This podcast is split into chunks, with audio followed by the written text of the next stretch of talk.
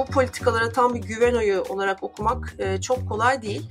Ancak Türkiye'ye verilen bir destek olduğu da açık. Hesaplamalar savaşı evet. Hesaplamalar Maliyeti var mıdır yok mudur? Ege Bey'in yazısını ben destekleyemiyorum. Böyle çok çok büyük bir maliyeti var. E, örtülü maliyetleri gözüken maliyetlerin çok çok da üzerinde. Nasıl çıkacak bu işin içinden e, bilemiyorum. Biliyorum da hani göremiyorum. Perspektif programından herkese merhaba. Her hafta olduğu gibi ekonomist Güldem Atabay ile beraber hafta boyunca yayınlanan makalelerden, haberlerden, yazılı metinlerden gündemi tartışıyoruz. Güldem Hanım merhaba, nasılsınız? İyiyim Sinan Bey, siz nasılsınız? Çok teşekkür ederim, ben de iyiyim. Yine yoğun bir gündem var hem e, yurt içinde hem yurt dışında. İsterseniz evet. hızlı bir şekilde başlayalım. Tabii tabii, buyurun. Bloomberg'un haberine göre Dünya Bankası Türkiye'ye yönelik bir yeni büyük bir kredi paketi açmaya hazırlanıyor. Mevcut kredilerle beraber değerlendirildiğinde fonun büyüklüğü 35 milyar dolara ulaşabileceği belirtiliyor. Bunun sonrasında tabii yasalar açısından olumlu bir yansıması oldu. Bloomberg'un haberine baktığımızda şöyle de bir yorum veriliyor. Dünya Bankası bu adımı atarak esasında Türkiye'nin yeni ekonomi yönetimine dair güvenini ortaya koymuş oluyor. Hem bu gelişmeyi hem Bloomberg'un yorumunu nasıl değerlendirirsiniz?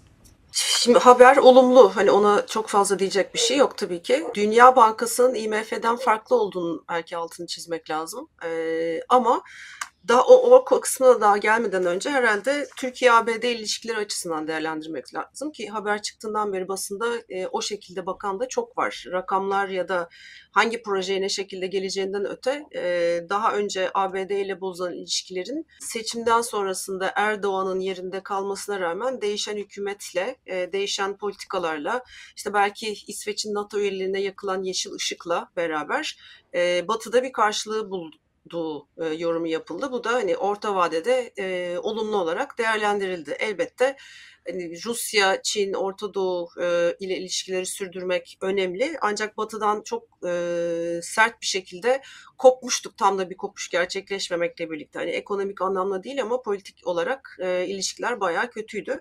Dolayısıyla eğer bunu o şekilde yorumlayacaksak bu olumlu bir gelişme. E, hani onun altını çizmekte fayda var. Bu muhtemelen İsveç'in NATO üyeliği karşısında bizim daha önce yine yabancı basın okuduğumuz işte 10, 12, 15 milyar dolarlık bir e, paket e, Biden'ın e, Erdoğan'a vaat ettiği toplantı arkasında belki onun bir uzantısı olarak e, değerlendirmek mümkün hakim değiliz detaya, bilmiyoruz onun başka bir fon olup olmadığını. Neden? Çünkü açıklamalar yok. İşte Dünya Bankası'ndan bir resmi bir açıklama yok. Böyledir ya da değildir diye. Hükümet kanadından doğrulayan ya da yalanlayan bir açıklama yok. Ancak o zaman da hani IMF parası olarak 10, 12, 15 milyar doların Türkiye'nin işte daha bugün rezervlerindeki swap hariç açık eksi 58 milyar dolar civarındayken yeterli olmayacağını o gün de konuşmuştuk. Yine de önemli. Üçüncü noktayı belki şöyle toparlamak lazım. Dünya Bankası ile IMF'nin yapısı birbirinden elbette farklı. Dünya Bankası benim bildiğim kadarıyla bir proje finansörü olarak rol alıyor dünyadaki fon sağladığı ülkelerde. Bunun anlamı da işte evet, deprem e, yeni bölgesinin yeniden inşası için e, Dünya Bankası'ndan para beklemek e, makul ve gerçekçi. Zaten olacaktı. Hatta bunu Avrupa Yatırım Bankası da devreye girebilir.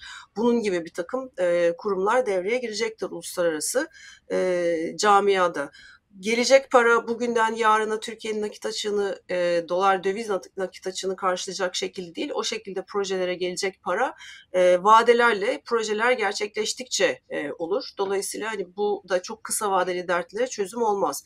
Ancak Bloomberg haberinde benim en çok ilgimi çeken e, paragraf Türkiye'nin e, dış ticaret finansmanındaki açığı desteklemekten bahsediyor bir yerinde. E, o oldukça ilginç geldi bana. E, hani güven oyu mudur değil midir tam olarak onu tartışamıyorum. Bu daha çok politik ilişkiler üzerinden bir toparlanmaya işaret. Ancak işte Şimşek'in politikaları ne kadar devam edecek, orta vadeli plan ne kadar inandırıcı olacak, 2023 hedeflerinden öteye işte Gaye Erkan ne kadar faiz arttırabilecek, işte bu hafta e, enflasyon verileri de çıktı. Beklenenin çok üzerinde gerçekleşti nereye gittiğini biliyoruz enflasyonun. Hani belki konuşuruz ama %25 politika faizin %40'a çekilebileceği yine kulis haberleri vardı. E, enflasyon sene sonu 70-75 aralığında arkasından işte 70-80'lere doğru zirve yapacak gibi. Hani o yüzden bu politikalara tam bir güven oyu olarak okumak e, çok kolay değil. Ancak Türkiye'ye verilen bir destek olduğu da açık. Özellikle e, finansman açığından bahsediyor. Dış ticaret finansmanından destekleyeceğinden bahsediyor. O yüzden detayları görmek önemli olacak. Ama bir IMF e, parası olmadığını, o şekilde kullanılmayacağını da altını çizmek gerekli. E, Dünya Bankası'nda şimdiye kadar Türkiye ilişkilerinde e, hep işte ya bir e, köyle ilgili bir proje ya bir altyapı projesi bir sürü e, o şekilde işler var ve dilim dilim işte daha şeffaf ihale kanunlarıyla ilerleyen süreçlerle Dünya Bankası bunu veriyor. Haberdeki bir önemli not da bu 35 milyar doların böyle bir anda bir sıfırdan 35 milyar dolar olarak değil zaten 17 milyar dolarlık bir anlaşmanın üzerine gelecek yaklaşık bir 18 milyar dolardan bahsediyor. Olumlu ama böyle çok da e, fazla abartmamak lazım. E, biz neredeyse işte Merkez Bankası olarak günde 1 ila 2-3 milyar dolar satabiliyoruz piyasaya müdahale etmek istediğimizde. Aylık dış ticaret açığımız henüz ve hala e, işte 9 milyar e, sınırında geziyor. E, önemli bir giriş olur. Dünya Bankası'nın desteği önemlidir. Ben o yüzden deprem bölgesinde inşa, inşasına katkı olarak daha büyük önemsiyorum aslında bütün bunların. Evet, bunu takip edip detaylar netleştikçe e, üzerine konuşmaya devam evet. ederiz. Enflasyona dikkat çektiniz. Yine evet, yüksek çekilmeyecek enflasyon... gibi değildi. Beklediğimiz gibi aslında yüksek bir enflasyon geldi bu ay ve bu enflasyonun açıklanmasının ardından hem Merkez Bankası bundan sonraki adımları ne olacak? Hem enflasyonun önümüzdeki süreçteki gidişatı ne olacak? Bunlar da tartışılmaya devam ediliyor. Bir taraftan biz yurt içinde tartışıyoruz, diğer taraftan yurt dışındaki kuruluşlar da beklentilerini oluşturuyor yeni durum üzerinden. JP evet. Morgan ve HSBC e, Türkiye'ye ilişkin iki not yayınladı. JP Morgan'a baktığımızda Yıl sonu için enflasyon tahmini %65'e yükselmiş durumda. Buna paralel olarak politika faizine ilişkin beklentiler de değişiyor. JP Morgan 2024 yıl sonu politika faizi tahminini %45'e yükseltti. Diğer taraftan HSBC'ye baktığımızda HSBC de yıl sonu enflasyonun %70'e çıkmasını bekliyor. Politika faizinin de bu ay %27,5 yerine %30'a çıkabileceğini belirtiyor. Siz bu iki raporu ve enflasyonun açıklanan enflasyonun ardından e, sizin beklentileriniz ne yönde değişti değiştiyse e, nasıl değerlendiriyorsunuz? Ben e, başından beri dermiş. Ben e, işte bu, bu görev değişikliği yapıldı. E, ortaya işte bir TL değer kaybı ve vergiler e, ile ilgili değişiklikler yapıldığından beri benim beklentim 73 yüzde yüzde 73 yüzde 75 civarında bir tüketici enflasyonu, tüketici fiyatları enflasyonu sene sonu. Önümüzdeki izleyen dönemde de yani yerel seçimlerden önceki 3 ayda da onun e, dalga dalga etkilerinin devam ettiği yüzde 80'in üzerine çıktığı bir senaryo var benim kafamda kafamda. O açıdan e, gelen veriler e, benim kendi çapımda yaptığım hesapları destekler nitelikte.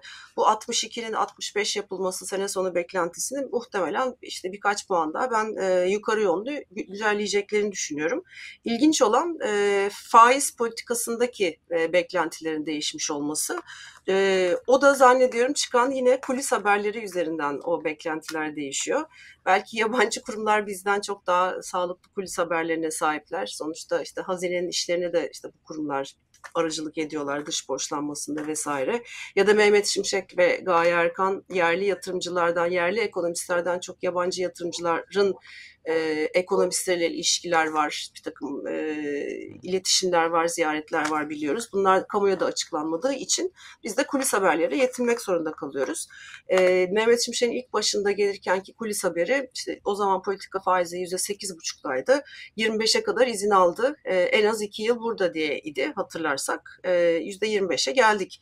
E, Merkez Bankası bu arada biraz yalpaladı. E, 650 bas puan faiz artışı 250'ye indi. Sonra 700 150'ye çıktı.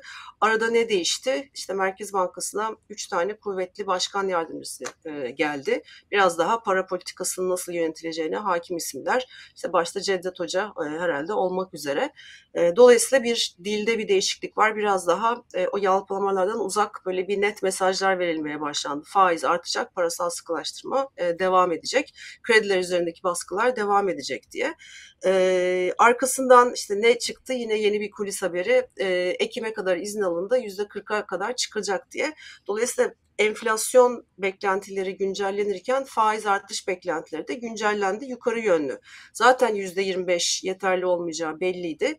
O %25'e uygun senaryo uygulanırken işte 650 bas, bas faiz artışı 250'ye indirildiğinde para girişi olmadı doğrudan yatırım saymıyorum. Sıcak para olarak sermaye piyasasına giren para çok sınırlı kaldı. Ne zaman işte bu beklentiler biraz daha güncellendi, e, gerçeğe doğru ya da biraz daha enflasyonla mücadelede gerçekçi bir zemine yaklaşma yönünde ilerledi. İşte o ilgi çoğaldı. Ama elin günün sonunda elimizde ne var? Eğer %40-45 politika faizi ise %70 üzerine giden bir enflasyon çok da fazla bu şekilde nasıl e, ulaşılacağı inan yani benim matematik olarak hesaplayamadığım bir 2024 sonu %33 enflasyon. E, o yüzden hala çok fazla açık var. Çok negatif reel faiz var. Ha, özellikle şey dediğiniz çok önemli. İşte 25'ten 27,5'a çekmek yerine 25'ten 30'a çekilebilir. Ben bunun tam da böyle olacağını düşünüyorum. Ben yerlerinde olsam yine kulis bilgilerini veri olarak e, kabul edersek tek hani deniz feneri o oluyor. E, önümüzde bir IMF ziyareti olacak. E, işte Dünya Bankası haberleri var. Hani o bugünün haberi. E, yarın öbür gün bu hafta içinde orta vadeli plan çıkacak. E, orta vadeli planadan sonra gelecek IMF heyeti muhtemelen onu övecek. E, işte bir takım değişiklikler var. E, desteklenmeli ama işte diye daha pozitif taraftan bakacak. Daha ciddiyetli görüşmeler olacak. Daha şeffaf olacak belki. Tam o havayı yakalamışken işte Dünya Bankası haberi var. Tam bu havayı da yakalamışken 250 bas puan yerine Eylül'de 500 bas puan arttırırsam eğer 40'a 45'e kadar izin aldıysam e, ben bu dönemi e, bu şekilde kullanmak isterim. 40'ta mı duracak, 45'te mi duracak işte Ekim, Kasım, Aralık ayları, Ocak nasıl geçer? O zaten bu yönetimin her zamanki günlük e, problemlere bakış açısıyla ama bugünü kurtarmak istiyorsa hazır orta vadeli plan gazı varken ben faizi 500-550 bas puan işte 21 Eylül'de arttırıveririm. Beklentim de benim öyle bir adım atılması zaten. Önümüzdeki haftalarda göreceğiz. Bunu da tartışmaya evet. devam edeceğiz. Bir yandan da geçen hafta konuştuğumuz KKM'ye ilişkin olarak analizler de hem yurt içinde hem yurt dışında devam ediyor. Hesaplamalar savaşı evet. evet hesaplamalar Maliyeti var mıdır yok kadar. mudur? Evet. Yani buradaki tartışma daha çok şey e, odaklandı. En azından sosyal medyada basın üzerindeki tartışma. İşte Ege Cansen bir yazı yazdı Sözcü'de zannediyorum. E, kur korumalı mevduatın e, muhasebesel kısmı olarak Merkez Bankası'na maliyeti yoktur ki hani gibi e, hani isteyen bulup okuyabilir. Uzun uzun üzerinden geçmeyeceğim burada. Yazının çıktığı gün e, belki çok analitik bilançoda çok iyi değilimdir. E, hani bu, bunun olamayacağını e, kendi kendime iç, iç ses olarak konuşmuştum. E, daha işi iyi bilenler işte Refet Hoca, e, Murat Uçer, Uğur Gürses'in e, başlı sosyal medya tweetleriyle zaten çok güzel anlatıyorlar. Hani kur korumalı mevduat böyle bir e, mutlak değer içinde bir an için olarak alınan Merkez Bankası'na yüklenen işte aldım verdim e, gibi bir ilişkiyle hesaplanmıyor bir Refet Hoca'nın vurguladığı bir opsiyon primi yokluğunun bunun maliyetinden bahsediyor. Hani buna belki girebiliriz biraz. İkincisi de Uğur Gürses'in vurguladığı özellikle e, diyor ki hani opsiyona gelene kadar e, zaten Merkez Bankası kur korumalı mevduata başladığında e, eksi 58 milyar dolarda swap hariç rezervleri vardı, net rezervleri vardı. Onun üstüne kur korumalı geldikçe önce döviz girişleriyle işte eksi 42'ye kadar toparlandı. E, fakat TL hatırlayalım o Aralık döneminden sonra kademe kademe e, TL'yi baskılamak için rezervleri harcamaya devam etti ve eksi 55-60 milyar dolar civarında bir yere oturdu. Dolayısıyla her aşağıdan e, alıp yukarıdan e, sattığı diyeyim kendisine zarar oluşturuyor Merkez Bankası olarak. Sevgili Murat Hoca da e, Murat Uçer de topa şuradan girmiş. O da onun işte Merkez Bankası'nın bir analitik bilançosundaki diğer kaleminde oluşan inanılmaz bir çıkışın grafiğini koymuş Twitter'a. İşte bu da size zarardır diye 600 milyar TL'lik yaklaşık bir zararı var. Dolayısıyla zaten böyle bir mutlak değer içinde ya da o gün dediğim gibi sadece KKM çıktığı gün değil bu. Bir takım rezerv harcaması var. O rezervlerin ortalama maliyetlerinden elden çıkarılmış olması var. Daha e, işte eğer 15 ise maliyetiniz diye işte Uğur Gürses örnek vermiş. Siz bunu sattıkça sattıkça ve kurda değer kaybediyor, dolar kazanıyor. Dolayısıyla her seferinde üstten koydukça zarar oluşturuyorsunuz diyor. E, Refet Hoca da şey diyor, siz zaten o da opsiyona dikkat çekmiş. Kur korumalı mevduattan e, siz oraya para yatıran bir kişi olarak eğer zaten belli bir vade sonunda aldığınız faiz kurdaki değer e, kaybının altında kalacaksa yüksek olana yani kurdaki değer kaybına eşitleniyorsunuz. E, bunu e, böyle bir rahatlığı satın almanın bir fiyatı var. İşte buna da kabaca opsiyon primi diyoruz. E, o yok iki taraf içinde.